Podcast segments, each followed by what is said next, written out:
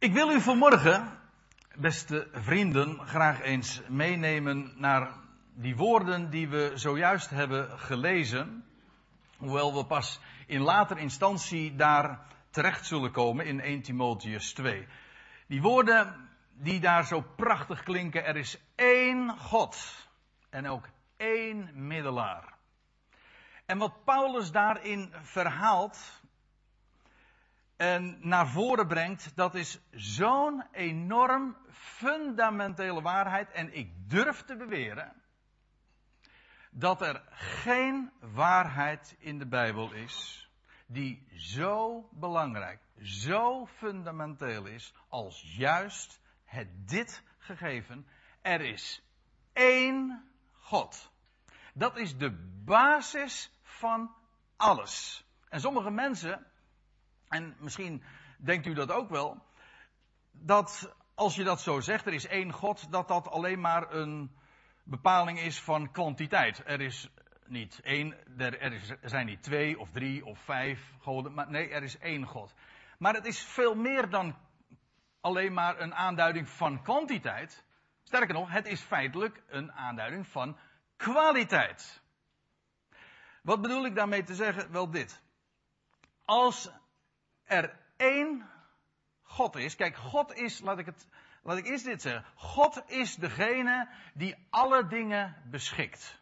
Die alles, zoals het woord God ook werkelijk aangeeft. Het woord God betekent degene die alles een plek geeft. Alles een plaats wijst. Als er één God is, dan betekent dat dat hij ook alles beschikt. Zouden er meer zijn, dan betekent dat dat God zijn plaats en zijn vermogen, zijn macht zou moeten delen. En dat betekent dat hij dus niet alles beschikt. Het komt erop neer, er is één God of er is geen God. Want zouden er meer zijn, dan zou hij zijn plaats moeten delen. Ja, en dan hebben we geen echte God meer. Dat wil zeggen, iemand die alles in zijn hand heeft en die alles beschikt. Dat is de betekenis van die aanduiding één God. Het is dus, hij is uniek. Hij is, zoals wij dat ook zeggen, enig. Er is er maar één. En daarom is hij ook werkelijk God. Voor een Jood, wat ik nu gezegd heb over één God, voor een Jood is dit zo vanzelfsprekend. De, de, de Hebreeuwse tekst die u hier ziet, die spreekt een Jood dagelijks uit. Een Jood die God gelooft en het maakt niet uit van welke richting hij is, maar deze woorden zijn zo belangrijk. Shema Yisrael, Adonai Eloheinu, Adonai Echad zeggen ze dan. Dat is Hebreeuws, maar weet u wat dat betekent? Dat zijn de woorden die we vinden in, in Deuteronomium 6 vers 4. En het zijn deze woorden die Jood dagelijks uitspreekt. Als hij s morgens opstaat en hij gaat s'avonds naar bed. Het is het eerste wat een Joods kind ook aan onderwijs krijgt. En hoe belangrijk het is, wel dat zal ik u ook laten zien. Daar staat in Deuteronomium 6, Hoor Israël, de Heere is onze God, de Heere is één. Dan, dan vervolgt het, de woorden die, die zo waarvan iedereen weet dat ze zo fundamenteel zijn. Maar ze, gaan, ze zijn dus vooraf gegaan aan dit gegeven. Hè? Hoor Israël, de Heer is onze God, de Heer is één. En dan, gij zult, dat is een belofte hè. Ja, ik weet het. Het wordt altijd opgevat als, als, een, als een last die de mens opgelegd krijgt. Maar dat is het niet. In de diepste zin is dit een aankondiging, een belofte. Gij zult de Heere uw God liefhebben. En feitelijk is het zo dat als jullie gaan begrijpen dat de Heere, onze God, werkelijk één is. Eh, de enige en dus werkelijk God, wel dan zullen jullie de Heere jullie God liefhebben. Met heel je hart, met heel je ziel, met heel je kracht. En wat ik u heden gebied, maar ook aanbied, vertel, wat ik u heden gebied, zal in uw hart zijn. En gij zult het uw kinderen inprenten. En daarover spreken. Trouwens, dat is ook wat het volk Israël altijd gedaan heeft. Deze woorden zijn, zijn de basis van het hele Joodse leven. Het, de basis van elk onderwijs is, er is één God. Gij zult het uw kinderen inprenten. En het hele leven, het gaat maar om één ding. En om, ja, om één ding, om één God. Om Hem. En al het andere valt in het niet bij dit gegeven. Er is één God. Gij zult uw kinderen inprenten en daarover spreken. Wanneer gij in uw huis zit, wanneer gij onderweg zijt, wanneer gij nederligt. Dat wil zeggen wanneer je gaat slapen. En wanneer je weer opstaat. Het eerste waar je aan denkt, er is één God. En je gaat s'avonds slapen. En je gaat je ogen sluiten en je beseft, er is één God. En, en, de rest dan van de dag, nou of, je nou, of je nou eruit gaat, of je komt weer thuis, of je bent onderweg. Kortom, het hele leven dus. Waar denk je dan aan? Waar spreek je over? Waar gaat het om? Om het weer? Om het werk? Je gezondheid? Oh, dat kan heel belangrijk zijn, dat weet ik.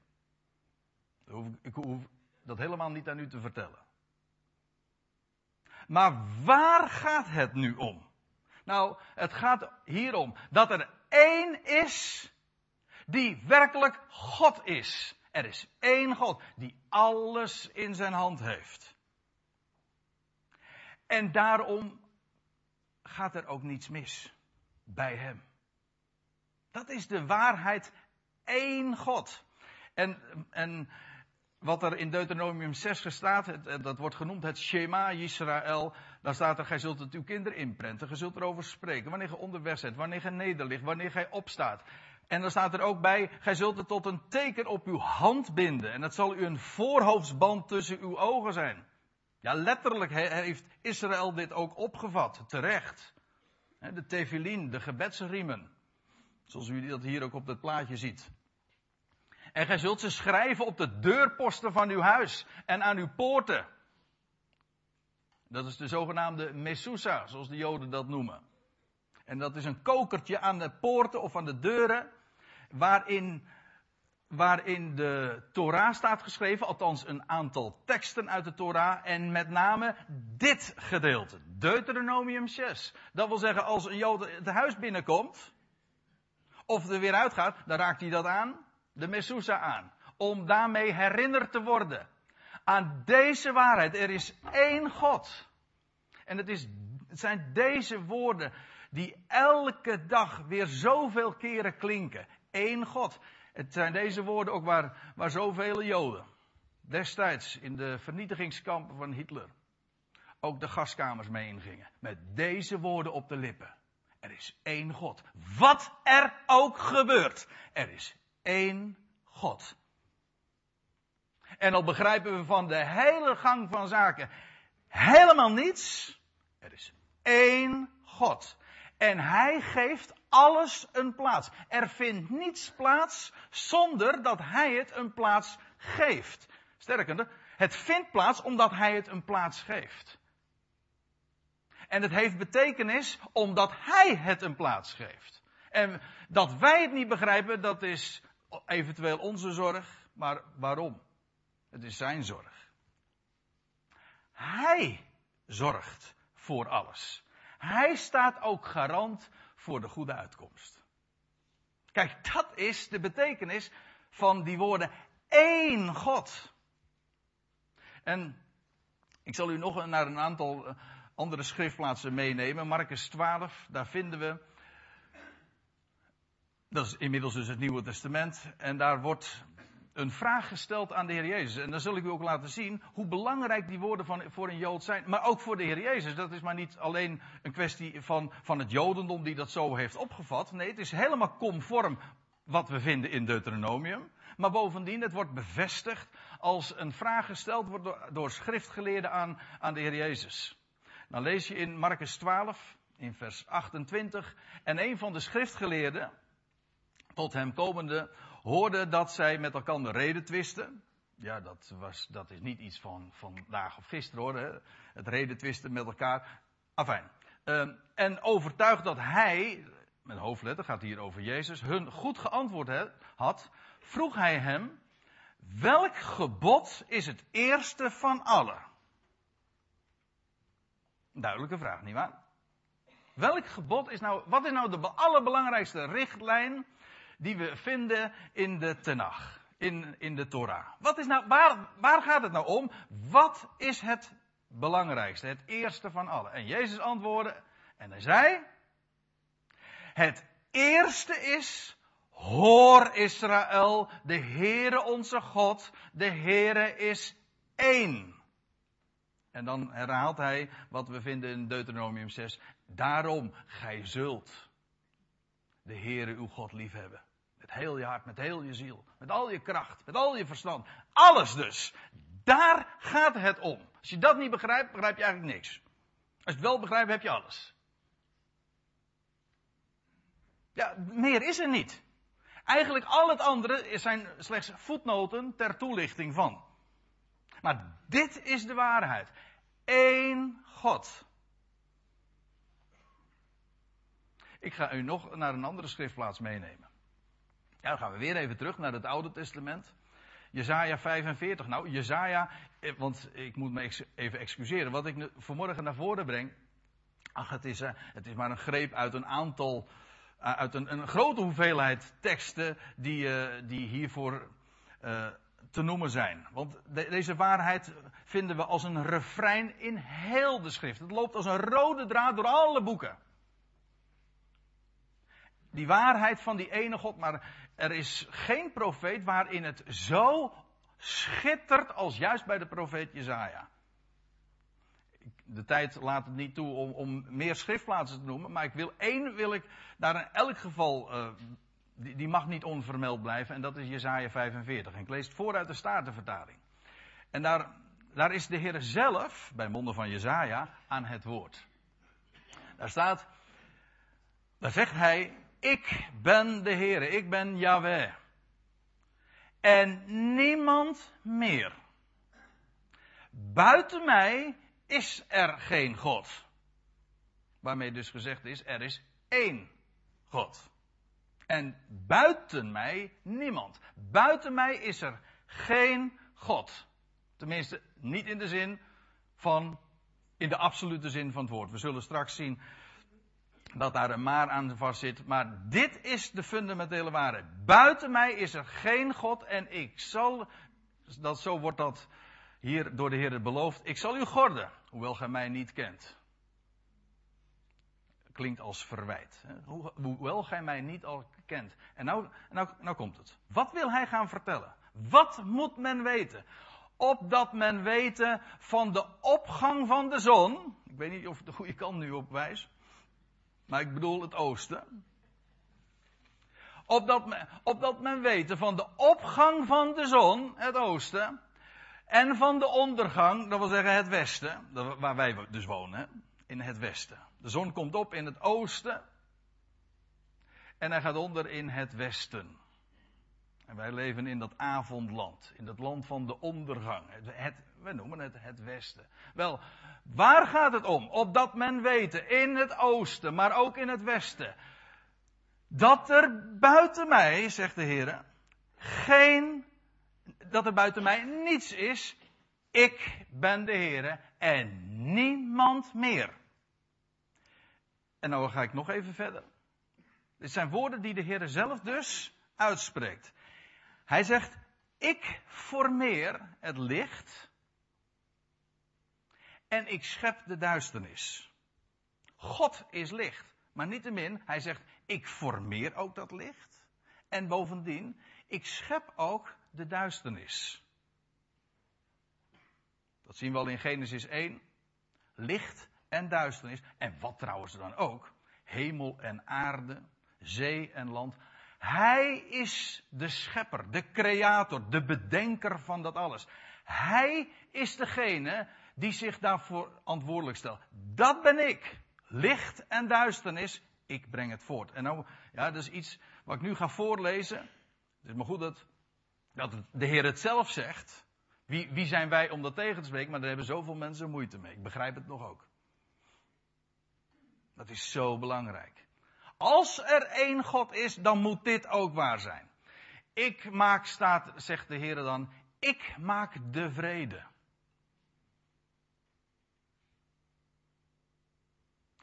Ja, de vrede, in, welke zin? Nou, het maakt eigenlijk niet uit. De vrede straks in de volkerenwereld, de echte vrede, die gaat hij maken. Dat is, niet, dat is geen mensenwerk. En trouwens, dat geldt ook voor de vrede in uw hart hoor. Dat is ook geen mensenwerk. Dat kun je ook niet slikken. Als u begrijpt wat ik bedoel. Er is er maar één die jou vrede kan geven. Maar dan ook werkelijke vrede. Shalom. Wat ook vreugde en hoop, heelheid inhoudt. Alles. Hij zegt, ik maak het. Als je, zoek je vrede, dan moet je bij hem wezen. Bij niets en niemand anders. Uiteindelijk. Ik maak de vrede, nou komt het. En ik schep het kwade. En er staat erachter. Ik, de Heere, doe al deze dingen. Niet alleen licht, maar ook het duister. Niet alleen de vrede, maar ook het kwaad. De, het lijden, de, het, de pijn, moeite, ziekte, verderf. Het is alles in zijn hand. Hij, hij is de goede God, maar hij schept ook het kwaad. Weet u waarom? Omdat kennis van goed niet los verkrijgbaar is. U ziet het al in het begin van de Bijbel. Daar lees je al dat God in het, ja, niet aan de rand of zo, nee, in het midden van de hof plaatste hij een boom. De boom van kennis van goed en kwaad. En door te eten van die, van die vrucht kreeg de mens kennis van het kwade, ja, maar ook van het goede. Pas toen heeft de mens werkelijk leren verstaan, ja, wat kwaad was, maar ook wat goed was. Het, hoe kan een goede God, dat is een van de grote vragen, misschien wel de allergrootste vraag waar de mens eigenlijk al zoveel duizenden jaren vanaf Adam al mee topt. Hoe kan dat lijden in de wereld bestaan? Hoe kan God goed zijn en dit kwade toelaten? Ja, ik weet wel, als u dat nou, dat die vraag stelt aan een, aan een, aan een doorsnee christen, aan, aan de aan de meesten die, die zo daar hun, hun licht zouden op laten werpen, nou ja, licht, hm, die daar antwoord op geven, dan zeggen ze ja, dat, dat, dat komt van de duivel, uiteindelijk. Omdat het ooit in het begin is misgegaan en dan kun je helemaal teruggrijpen naar het feit dat de mens ooit van de verboden vrucht heeft gegeten. Als je daar nog even verder terug gaat zeggen, maar hoe komt dat dan? God had toch die hof, uh, in die hof die boom geplaatst? En dan zeggen ze ja, maar dat komt omdat, er een, omdat daar ook de duivel was. Maar hoe, hoe komt die duivel daar dan? Ja, dat, dat komt omdat uh, God ooit een, een, een lichtengel, een Lucifer, heeft geschapen. Een lichtdrager. En ja, die ging Gods plan verstoren. Oh, kan dat dan? Dat was niet, want dat is dan altijd, dat komt allemaal van de duivel. Weet je wat, weet je, wat je eigenlijk zegt? Het zijn twee goden. Dus God van het goede en door een, als ik het zo oneerbiedig mag zeggen, een bedrijfsongeval is het misgegaan. En er viel een engel uit Gods hand. Ja, en toen, ja, toen is, en toen moest God overschakelen op plan B. Maar goed, hij doet zijn best om het allemaal weer recht te breien. Nou ja, het grote, het merendeel van de mensen, ik, ik chargeer, maar eigenlijk zeg ik precies wat men altijd daarover zegt. En uiteindelijk, uh, ja, het, het, het, het, merendeel van de mensheid zal verloren gaan. Ja, nou ja, dat was ook inderdaad Gods bedoeling niet. Dat heeft de mens zelf gedaan. Of eventueel een, schep, een ander schepsel. De Satan of wie je daar ook voor verantwoordelijk wil stellen. Weet je wat je met dit is, nou gebruik ik een moeilijk woord, dit is polytheïsme. Meer godendom. Dan heb je meer goden. Dan is God niet meer God. Laten we gewoon naspreken wat de schrift zegt. Namelijk dat hij, de goede God, het kwade ook geschapen heeft. Waarom? Omdat het noodzakelijk kwaad is. Noodzakelijk, hoezo? Nou, met het oog op het leren kennen van het goede. Dat is het Bijbelse antwoord. Kennis van goed is niet los verkrijgbaar. En weet u wat ik nou het machtige van deze waarheid vind? Wat God zelf zo plechtig verklaart. Ik, de Heere, doe al deze dingen. Dat betekent, beste vrienden, dat het kwaad in goede handen is. Ik zou me geen raad weten als het anders was. Want weet je wat je zegt?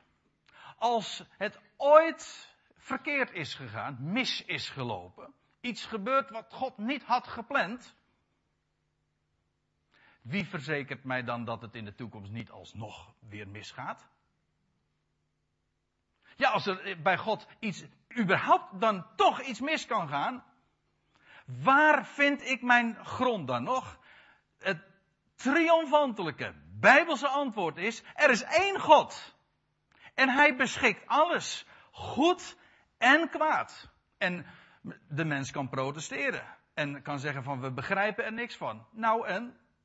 Wij zijn ook maar schepseltjes. De schepper, hij begrijpt het. En dat is meer dan genoeg. En hij geeft alles een plaats. Alleen als je dat verstaat, heb je vrede. Hij zegt het, ik maak de vrede. Hoe? Wel, als je gaat verstaan dat er één God is die alles beschikt. En alles gemaakt heeft, alles bedacht heeft en bij wie niets en niemand buiten de boot valt. Kijk, dat zijn de marges waar de Bijbel het over heeft. Dat is de God die werkelijk het verdient om als God aangesproken te worden. Of zoals Paulus zegt in Romeinen 1, dat we God als God verheerlijken. Er is er namelijk maar één en daarom is hij God met allemaal hoofdletters. En als je dat begrijpt, dan, ja, dan, heb, je, dan heb je licht. Paulus zegt in Romeinen 1, omdat ze God niet als God hebben verheerlijkt. Dat wil zeggen dat er, niet, dat er meer is dan één God is het duister geworden in hun onverstandig hart. Maar omgekeerd is het zo dat als je, als je God als God mag kennen, als die ene, werkelijk God, dan wordt het licht in je hart en warm. En bovendien word je verstandig. De basis van alles. We gaan nog naar een andere schriftplaats. 1 Timotheus 1. Daar schrijft Paulus dit. De koning der eeuwen. Schitterende lofzang zo eh, in, zo in het midden van, het, van, van zijn betoog. Dan zegt hij de koning der Ionen. Want dat is wat, het woord wat hij dan daar letterlijk gebruikt. De koning van de Ionen. Dat wil zeggen hij die de Ionen beheerst. Die trouwens ook de Ionen geschapen heeft. Hij die dat alles overstijgt. De onvergankelijke, die dus niet aan verderf is onderhevig is. Nee, de onvergankelijke God. De onzienlijke. Hij onttrekt zich compleet aan onze waarneming. Niemand, zegt de Bijbel, heeft ooit God gezien. Dat moet toegelicht worden, dat zal ik straks e- ook even doen. Maar dit is de, de waarheid. De onzienlijke, en bovendien staat erbij, de enige God, zij eer en heerlijkheid en dan staat er letterlijk tot in de ionen der ionen. Of tot in de eeuwen der eeuwen. In uw vertaling staat dat waarschijnlijk weergegeven als tot in alle eeuwigheid. Maar het is net even anders. Maar dat is nu verder niet het onderwerp. Waar het me nu om gaat, dat begrijpt u, is dat Paulus hier spreekt over de enige God. Weet u wat daar staat in het Grieks? Monotheo. En dat woordje monotheo, dat herkennen we direct, namelijk in het woord monotheïsme. Eén God. Monotheïsme wil zeggen de, de erkenning van slechts één God. En dus het kennen van een werkelijke God. Ik zei al aan, bij de aanvang, het is geen kwestie van kwantiteit. Als je dat denkt, dan heb je het nog echt niet begrepen. Het gaat om kwaliteit. Hij, er is er één en dus is hij God. Wel, Paulus zegt, hij is de enige God.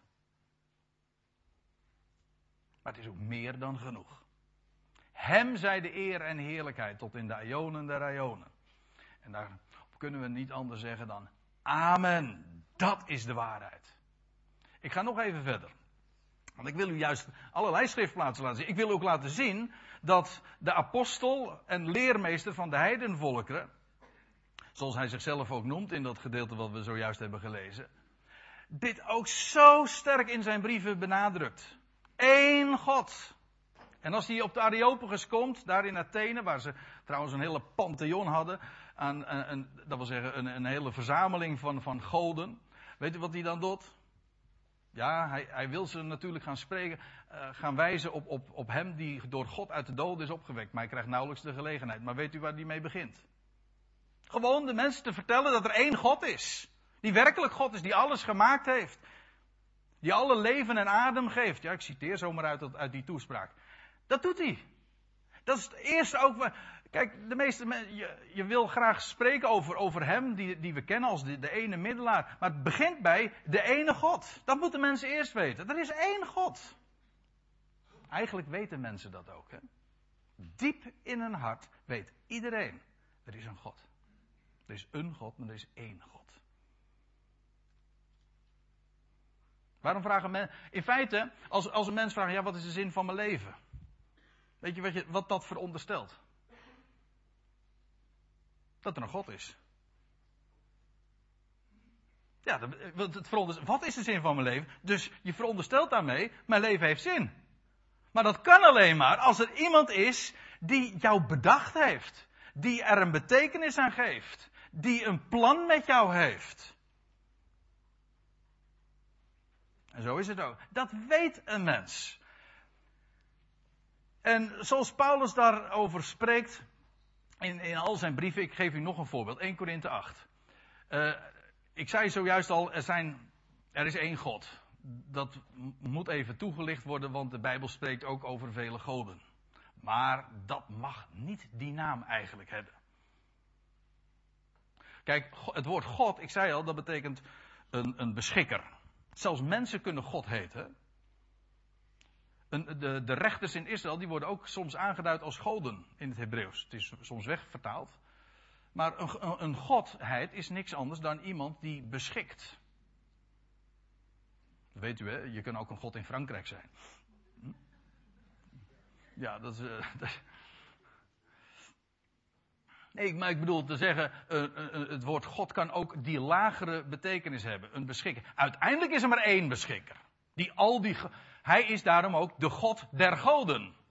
De Allerhoogste.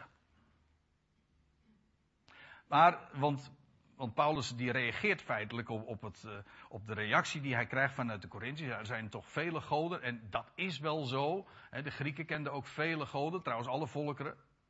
Het is altijd weer dat, dat veel godendom dat in, bij de mens opkomt. Zelfs in het christendom. Maar goed, uh, laat ik eerst dit eens even lezen. Want al zijn er zogenaamde goden, zogenaamde goden, het zij in de hemel, het zij op de aarde. En Paulus zegt, en inderdaad, er zijn goden in menigte en heren in menigte. Tot je dienst. Goden, hè? zo, tussen aanhalingstekens. Voor ons nogthans, zegt Paulus, als het er nou helemaal op aankomt, dan hebben we het daar natuurlijk niet eens over. Voor ons nogthans is er maar één God. En dan zeggen christenen heel plechtig, ja, één God. De Vader, de Zoon en de Heilige Geest.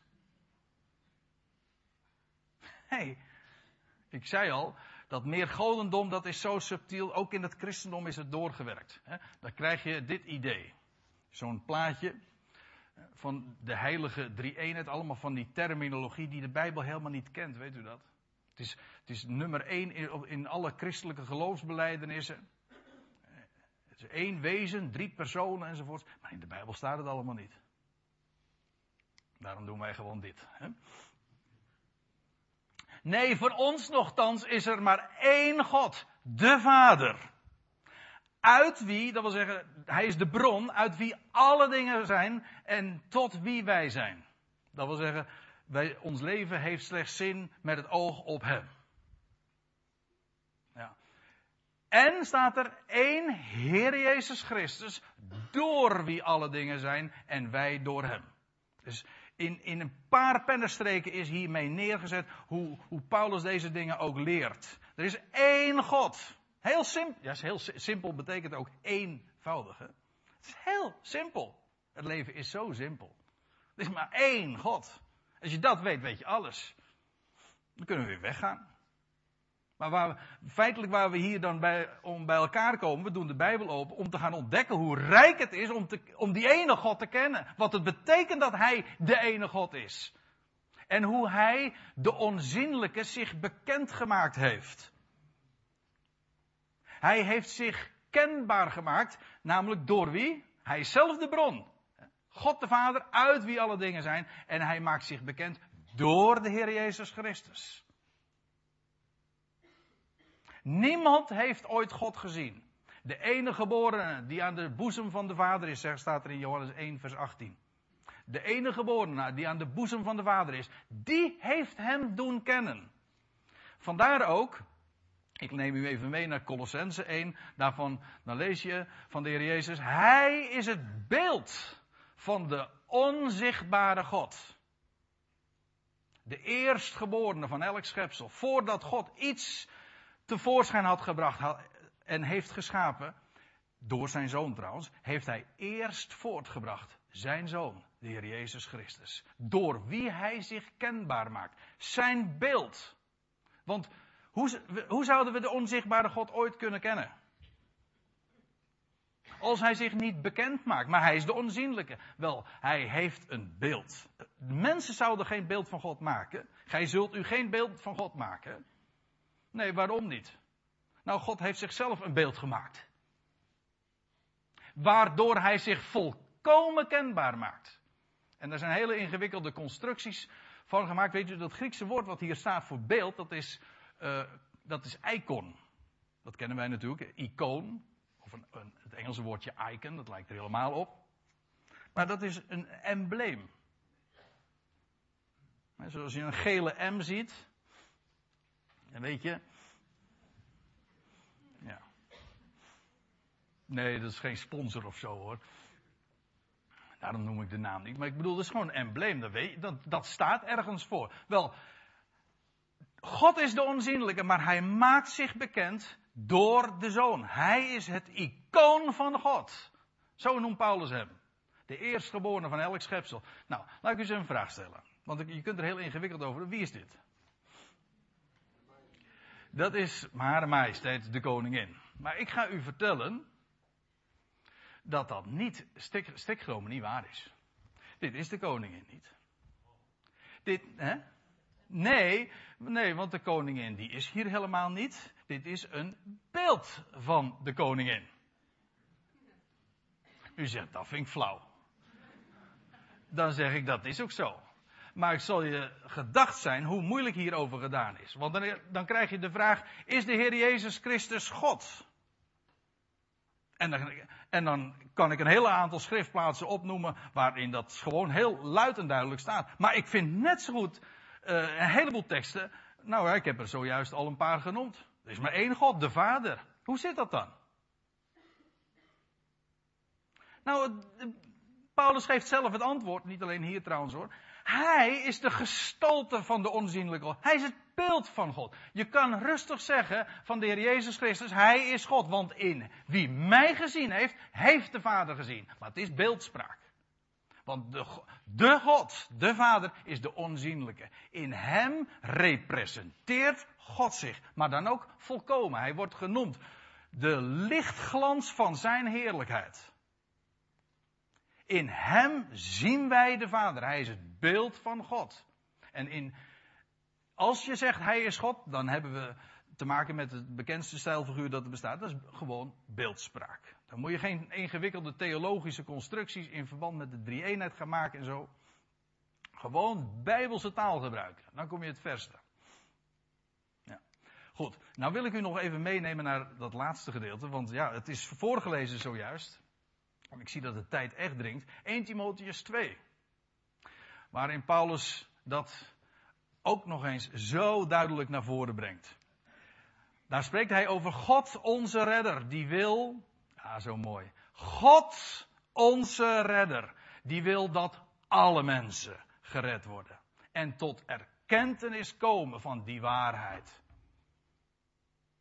God heeft niet een select publiek of een, of een klein aantal mensen, of voor mijn part een groot aantal mensen op het oog. Nee, hij houdt van elk mens.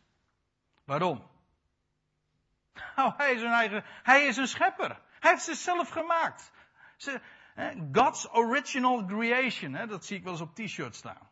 Nou, I am God's original creation. Dat wil zeggen, ik ben door Hem bedacht en gemaakt. En Hij heeft een plan met mijn leven. En met al, al, al ken je Hem niet, al wil je Hem niet kennen, Hij wil dat jij gered wordt. Dat kan ik je zo op een briefje geven. Ik bedoel, dit briefje. Hè? Hij wil dat. En hij wil dat we tot erkentenis komen van die machtige waarheid. Hij omvat al die miljarden mensen. Of ze nou van hem gehoord hebben en of ze nou van hem willen weten. Maar hij heeft jou op het oog. Hij houdt van jou. Hij is jouw schepper. Maar ook jouw redder. Want staat, zegt Paulus, er is één God. Want ik weet wel een heleboel mensen die zeggen dan, christenen. Ja, dat, ik vind ze over het algemeen niet de, de beste reclame hoor, voor, voor, voor die ene God. Dan zeggen ze, geloof je in God? Geloof je dat er één God is? Nou, ik geloof niet zozeer dat God één is, hij is drie-één. Of dan zeggen ze van, ja, die ene God, hij wil wel dat alle mensen gered worden. Maar ja, jij moet het ook wel willen. Weet je wat het, ook dat is weer polytheïsme. Weet je waar het op namelijk op neer? God wil dat wel, maar ja, of het gebeurt, dat hangt van jou af. Wie is er dan? Dan, dan hebben we niet één God, dan hebben we miljarden goden. Nou, gefeliciteerd ben je ermee hoor. Dat lijkt een promotie van de mens, maar het is een degradatie van God. Trouwens, uiteindelijk ook een degradatie van de mens. Nee, nee, dan zeg ik het liever die dichteres na, die zei, oh,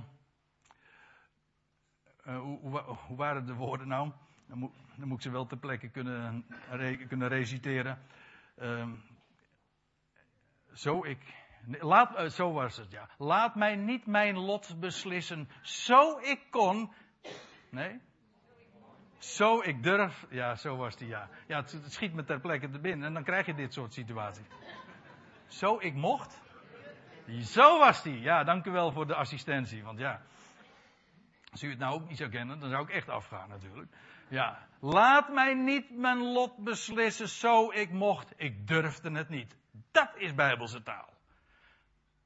Dat, er is er één. Er is één God en Hij wil dat alle mensen gered worden. En daarmee is Hij in feite ook aangegeven wat Paulus twee hoofdstukken later ook gewoon pontificaal zegt. Hij is de redder van alle mensen. Want er is één God. En er is ook één middelaar. Weet u wat de, de geweldige, unieke heerlijkheid is van de Heer Jezus Christus? Niet dat Hij de ene God is, nee, Hij is de ene middelaar van God en mensen. De mens komt tot God door Hem. Zoals God ook tot de mens komt door Hem. En die ene middelaar van God en mensen, die God volkomen bekend maakt. Door naar Hem te zien, zien we God in zijn hart. De mens, Christus Jezus staat erachter, die zich gegeven heeft tot een losprijs voor allen. En er stond in deze wereld een kruis. En daar werd een prijs betaald. En daar werden alle mensen gekocht.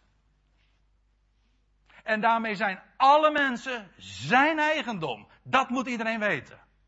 Je bent zijn eigendom. Hij is jouw Heer. Je bent gekocht en betaald. Hij heeft zich gegeven tot een losprijs voor allen. En daarvan wordt getuigd de juiste tijd. Dit kan je niet genoeg vertellen. En weet u wat Paulus zegt? En daar moet ik echt mee afsluiten.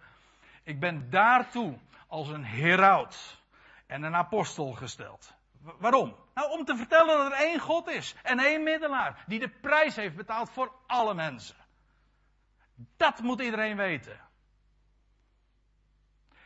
En ik ben daartoe gesteld als een heraut en een apostel. hij zegt nog eens des te sterker, als ik spreek waarheid, geen leugen. Dit is zijn mission statement. Hè? Als een leermeester der heidenen in geloof en waarheid. Dit zouden we horen. Dit zouden we weten. Dit zouden we ook vertellen. Het evangelie dat ons is toevertrouwd, dat is de machtige boodschap van die ene God en die ene middelaar. Nou, om dat, om even samen te vatten, want u wil natuurlijk als u straks thuis komt zeggen van ja, waar had hij het over? Nou, het is in dit geval heel eenvoudig. Hij had het over één God. Dat betekent dat hij is integer. Betekent trouwens ook één. Hè?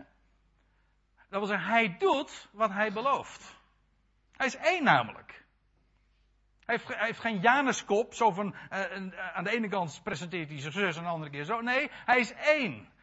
Hij beschikt alles goed en kwaad.